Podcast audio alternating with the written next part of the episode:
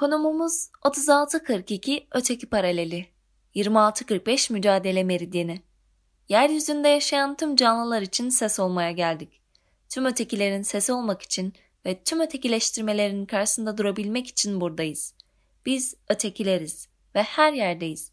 Hepiniz hoş geldiniz. Değerli dinleyenler, Öteki Pot için hazırladığımız Agora'ya hepiniz hoş geldiniz. Uzun bir aradan sonra yeniden beraberiz. Ee, bir süre ara vermek durumunda kaldık. Ee, ama şimdi tekrar yeni konularla ve yeni konuklarla beraber olmaya devam edeceğiz. Bugün ve bundan sonraki bir, birkaç bölüm Türkiye modernleşmesi üzerine konuşacağız. Türkiye modernleşmesi çalışıyorum ve şimdilik birkaç tespitim var. Bunları da sizinle paylaşmak istiyorum. Ama Türkiye modernleşmesi başlığı altında araştırdığım birkaç farklı e, sorunun cevabını da sizinle paylaşmak istiyorum. E, şuradan başlayayım. Türkiye modernleşmesinde aldığım notların en başında şunlar geliyor. Türkiye modernleşmesine en büyük zararı veren e, bugünkü İslam anlayışı değerli dinleyenler. Hem bu anlayışa kendine ait hissedenler hem de bu anlayışa bağlı olarak ortaya çıkan e, bu aidiyeti reddedenler güruhunun mücadelesi aslında tüm gidişatı tahrip etmiş ve olayların seyrini etkileyerek sonuca zarar vermiştir. Yani bugün içinde bulunduğumuz Türkiye'nin e, bugün bu şekilde var olmasının sebebi aslında dünden bugüne Türkiye modernleşmesi içerisinde Türkiye modernleşmesini savunanlar ile e, Türkiye modernleşmesini yanlış anlayanlar arasında ya da Türkiye modernleşmesini asla kabul etmeyen gelenekçiler arasındaki büyük bir mücadelenin e, sonucu. E, bu açıdan e, Osmanlı'nın İslam anlayışı tipik Anadolu Sünni bakışı içinde çok büyük hurafeler barındırıyor diyebilirim. İşte bu hurafelerin getirdiği korkular bir güruhun içinde, bu hurafelerin getirdiği bir hırs diğer bir güruhun içinde. Türkiye modernleşmesi dediğimiz zaman aklımıza bu iki güruhun kavgası geliyor. Gelenekçilerle modernistler diye de biliriz. Ama bundan çok daha ötesi var aslında. E, zannediyorum birkaç bölüm bunları konuştukça daha iyi oturacaktır aklınızda diye düşünüyorum.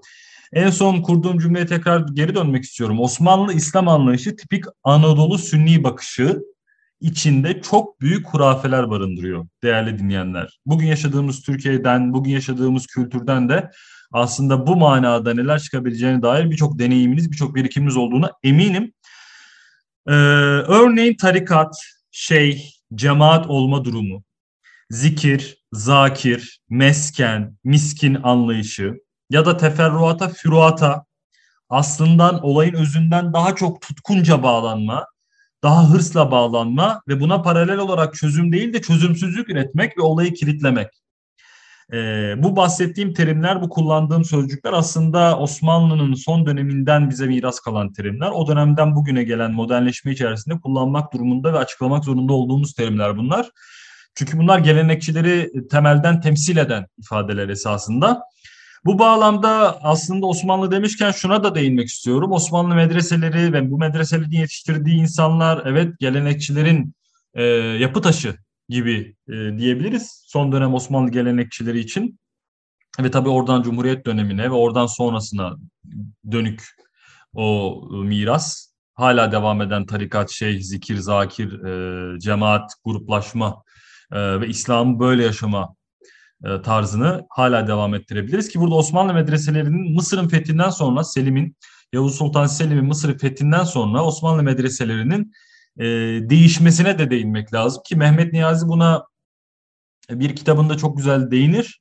E, fakat onu esaslıca açmak için çok fazla e, zamana ihtiyaç var. O nedenle sadece şunu söyleyip geçmek istiyorum. Osmanlı medreselerinde e, değerli dinleyenler Maturidi itikadının yerini eşari görüşünün almış olmasından kaynaklı olarak bilim, gözlem, analiz yerini hurafeye terk etmiş oluyor. İşte Osmanlı medreselerinin dönüşümü bu bağlamda 16. yüzyıldan itibaren sonrasına dair bir değişim, bir dönüşüm e, yaşıyor ve Osmanlı medreselerinin e, gerçekten Türk modernleşmesinin doğru kulvarda ilerlemesine büyük bir engeli, büyük bir zararı olmuştur diyebiliriz. İkinci olarak şunu söylemek istiyorum Türkiye modernleşmesine dair. Anadolu'da yaşayan ve Avrupa ile bağlantılı Türkler dışındaki etnik kökenler, örneğin Rumlar, Ermeniler, Yahudiler Türk modernleşmesine çok büyük katkıda bulundular değerli dinleyenler. Bunu çok rahat söyleyebilirim. Gönül rahatlığıyla siz de bu ifadeyi kullanabilirsiniz. Anadolu'da yaşayan ve Avrupa ile bağlantılı Türkler dışındaki etnik kökenler, o özellikle de Rumlar, Ermeniler ve Yahudiler gerçekten Türkiye modernleşmesinde en önde giden ve Türkiye modernleşmesine ilk katkıyı sağlayanlardan, ilk katkıyı sağlayan topluluklardandır diyebiliriz ki bunu ben Bursa örneğini incelemiştim ki Bursa örneğinde anlatabiliriz. Bursa örneğinde e, mesela Bursa bir sanayi şehri halini almasında diğer etnik grupların payı çok fazla. Özellikle de 1828, 29 ve 1890'a kadar olan süreç e, sanayileşmede çok etkin Sanayileşme zaten şehirleşmeyi de beraberinde getiriyor ama o şehirleşme bazen çarpık bir kültürleşmeyi bazen de doğru şehirleşmeyi özellikle mesela yazı kültüründe doğru şehirleşmeyi e, ya da diğer sanatsal etkinliklerde doğru medenileşmeyi şehirleşmeyi de beraberinde getiriyor. Fakat e, özellikle Bursa örneğinde tiyatro, opera, müzik gibi sanatsal etkilerin yanı sıra kadınların iş hayatındaki ya da diğer konumlardaki yerini almasında başı çekenler de bu bahsettiğim etnik kökenli gruplardır. Bu bahsettiğim diğer etnik kökenlerdir değerli dinleyenler. Üçüncü olarak Osmanlı'nın savaşlarda aldığı yenilgilere değinmek istiyorum. Burası aslında Osmanlı'nın neden modernleşme atılımı yapmaya çalıştığının da bir ipucunu verir. Çünkü Osmanlı savaşlarda eğer yenilgi almasaydı da modern dünyada bir yer edinmesi gerektiğine kanaat etmeyecekti. Bu bariz değerli dinleyenler. Zira yenilgiler, Osmanlı'nın aldığı yenilgiler Avrupa'yı özellikle silah sanayinde takip etmesini sağladı ve bu da beraberinde askeri okullarda ve diğer alanlarda ama en başta askeri okullarda daha sonra diğer alanlarda, diğer mekteplerde yenilenmeyi getirdi. Neticede e, sonra gelen nesiller, sonra doğan e, bireyler farklı bir dünyaya doğdular. Farklı bir kültürün içine doğdular ve başka dizayn edildiler aslında. Ee, şöyle söyleyebilirim aslında bunu örneklemek için. Cumhuriyeti kuran modernist diyebileceğimiz aynı zamanda da Türk milliyetçisi fakat yine de biz modernist diyelim. Modernist diyeceğimiz ilk kurucular aslında Osmanlı'nın yetiştirdiği son dönem e, askerlerdir, doktorlardır vesaire bürokrat, bürokratlardır. Bu bağlamda e, nasıl bir dünyaya doğduklarını da buradan ifade etmiş oluyorum. Aynı zamanda Avrupa'dan gelen öğrenciler, özür dilerim Avrupa'ya giden öğrenciler ve Avrupa'dan gelen hocalar yine Türkiye modernleşmesinde etkili olmuşlardır. Ee, bu karşılıklı etkileşim Avrupa'nın Osmanlı'nın modernleşmesini hızlandırmasını doğurmuştur e, diyebiliriz. Aynı e, Rönesans'ta olduğu gibi Türkiye tarihinde de değerli dinleyenler uzun yıllar modernleşmenin geniş kitlelere yayılmasını sağlayan elbette ki edebiyat ve edebiyatçılardı. Gazete, dergi ve romanların ya da konferansların etkisi kesinlikle Türkiye'nin hızla modernleşmesinde çok fazla. Fakat Türkiye ne kadar hızla modernleşmiş gibi dursa da Avrupa'ya göre ne kadar hızla modernleşmiş gibi dursa da çarpık bir modernleşmenin olduğu da aşikar ya da istenen etkinin ya da istenen nitelikli modernleşmenin gerçekleşmediğinde açıkça söyleyebiliriz. Oraya geleceğim. Bunun bence sebebini söyleyeceğim ama e, birkaç şehirden de bahsetmek istiyorum. Türkiye modernleşmesinde etkili olan üç şehri unutmamak lazım değerli dinleyenler. İstanbul, Bursa ve İzmir. Türkiye modernleşmesinde başı çeken şehirlerdir bunlar. Ee, örneğin Cumhuriyet'ten sonra Ankara modernleşmenin e, ya da kendine biçilen o e, kültür lideri olmanın hakkını verememiş bir şehirdir. Ankara kurulduğu günden bugüne ya da Ankara Ankara olduğu günden bugüne aslında devletin soğuk yüz olarak kaldı. İstanbul'un, Bursa'nın ya da İzmir'in yaptığı hizmeti, yaptığı etkiyi, yaptığı nitelikli e, hızlanmayı ne yazık ki Ankara tek başına beceremedi. Hatta diğer üç şehirle kıyaslanamayacak kadar geride kaldı diyebiliriz. Buradan şuna gelmek istiyorum değerli dinleyenler. Osmanlı'dan günümüze kadar Türkiye modernleşmesini ele aldığımızda Türkiye modernleşmesinin tıkandığı noktalar nerelerdir ya da neden Türkiye modernleşmesi nitelikli anlamda e, gerçekleşmemiştir? Yani Türkiye modernleşmesi nitelikli anlamda gerçekleşmiş midir? Hayır gerçekleşmemiştir. Peki bunun sebebi nedir? En başta söylediğim gibi bugünkü İslam anlayışıdır. bana göre İslam'ın tam kendisidir aslında. Böyle de diyebilirim. Bazı arkadaşlar e, dediklerime alınmasın çünkü ne demek istediğimi şimdi daha açıkça ifade edeceğim. Mesela şöyle soralım bu soruyu. İslami bir aydınlanma mümkün müdür? Buradan başlayalım konuşmaya. Şimdi değerli dinleyenler e, Richard Martin'e göre evet bu yani İslami aydınlanma mutezile gibi örneklerde mümkündür.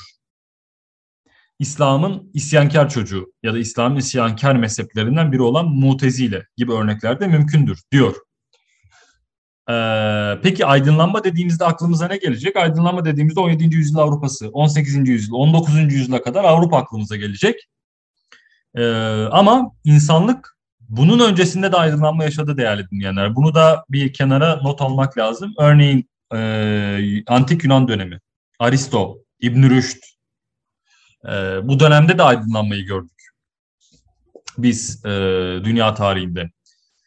E, Kant'a göre insan kendi aklını bir başkasının kılavuzluğuna emanet ederse orada aydınlanmanın varlığından söz edilemez. Yani Kant diyor ki insan, birey ya da toplumlar kendi aklını kullanmalı. Kimsenin kılavuzluğuna aklını emanet etmemeli ki bu Tanrı bile olsa. Buna yani Tanrı'nın varlığına, Tanrı'nın kurallarına aklını emanet etmeye ergin olamama durumu diyor Kant. Bu bağlamda da gerçek bir aydınlanmanın mümkün olamayacağını savunuyor. Ki Fransız aydınlanması da buna örnektir. Fransız aydınlanmasından örnek verecek olursak yine Voltaire yine aynı şekilde e, Kant gibi e, diyor ki akıl e, gerçek bir otorite kabul etmez. Akıl otorite kabul etmez. Bu din olsa bile. Ki din en tehlikelisidir. Çünkü aklı çok daha fazla etki altına alır.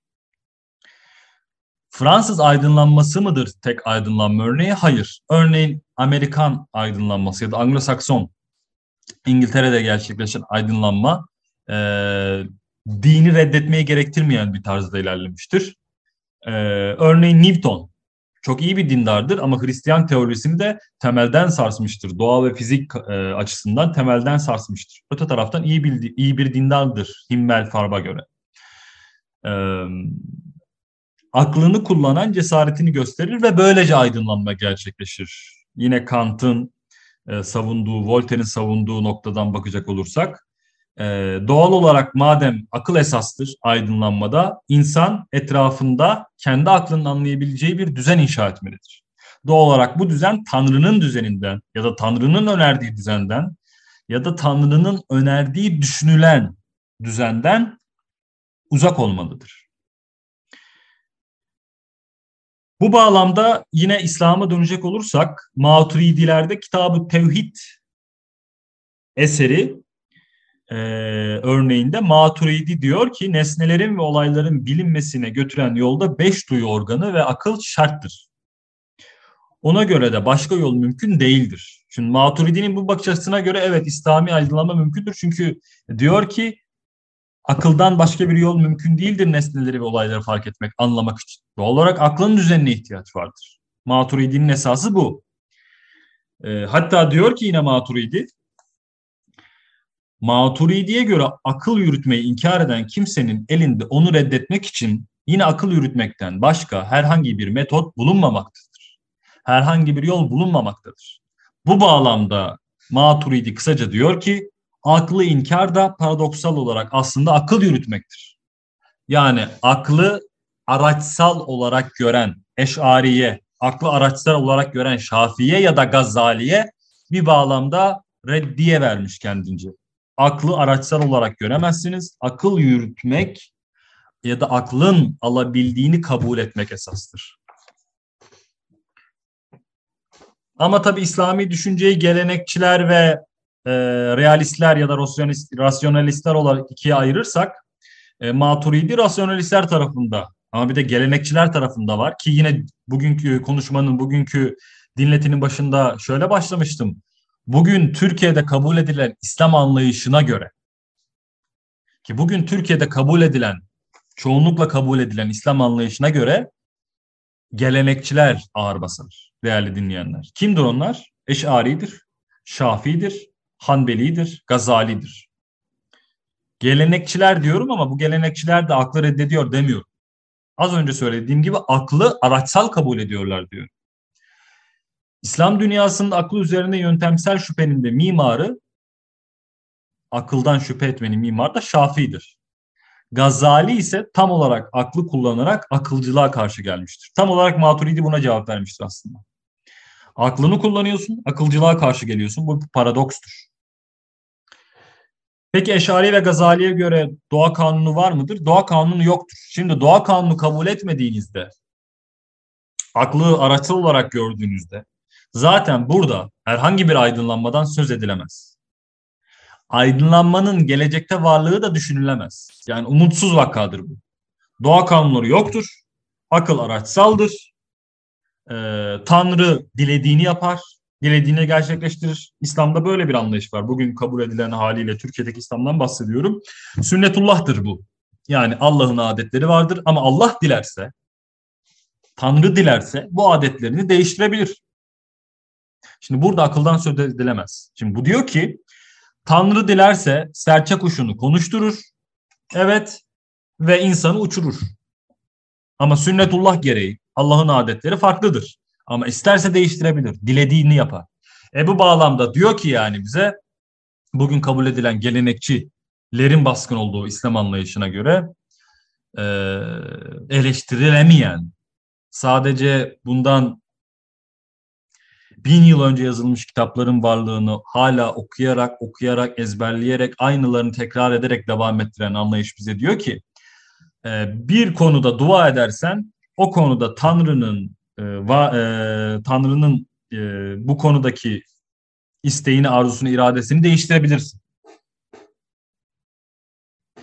Şimdi bir defa zaten kendi içinde bir yine çatışma, bir tezat var. Bizim Tanrı'nın isteği, arzusu, iradesi oysa, İslam anlayışına göre Tanrı'nın muradı buysa zaten hayırlı olan o olması lazım. Tanrı senin için hayrı ister.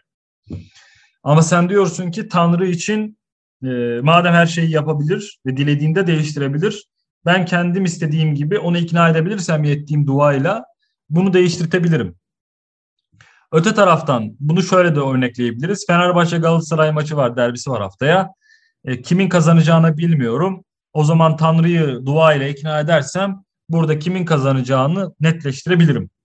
Burada benim dua esastır. Çünkü Tanrı dilediğini dilediği zaman değiştirebilir. Zaten e, en başta Eşari ve Gazali'nin doğa kanunu yoktur demen bu açıklamayı vermemin sebebiydi. Şimdi doğa kanunu yoktur. Bütün olup bitenler Tanrı'nın bizzat aktör olduğu durumlardır. Ee, yani bizim gördüklerimiz Allah'ın adetleridir, sünnetullah'tır. Allah istese sünnetin değişiklik yapar. İstese işte serçe kuşunu uçurur, e, konuşturur, insanı uçurur. Madem Böyle bir anlayış var. İşte burada akıldan söz edilemez. Bu bağlamda da bu perspektiften bakarsak da değerli dinleyenler İslami bir aydınlanma mümkün değildir. E şimdi dolayısıyla günümüzdeki İslam dünyasında sağlıktan, İslam dünyası olarak Türkiye'de dahil, sağlıktan depreme, teknolojiden insan hayatının diğer birçok e, alanına kadar her şeyde e, Eş'ari'nin bu görüşü esastır. Evet. Esasen e, maturidi olduğunu iddia eden insanlar bile olsa aslında İslam dünyasında Eş'ari'nin varlığı çok daha keskin belli oluyor. Birçok e, açıdan incelediğimizde İslam coğrafyasını. Şimdi Maturidi'ye Mutezili'ye ya da İbn Rüşd'e göre Tanrı dünyada bir sistem var etmiştir. Ve var olan her şey, kainattaki her şey Tanrı'dandır. Bu onun kudretidir. Ama ama insan bu kudreti ancak aklıyla fark edebilir ve bu kudreti ancak aklıyla erişebilir. İşte Maturidi, e, Mutezile ve İbn Rüşd'den yaklaşırsak İslami bir aydınlanma belki söz konusu olabilir. Küçük bir ihtimalle.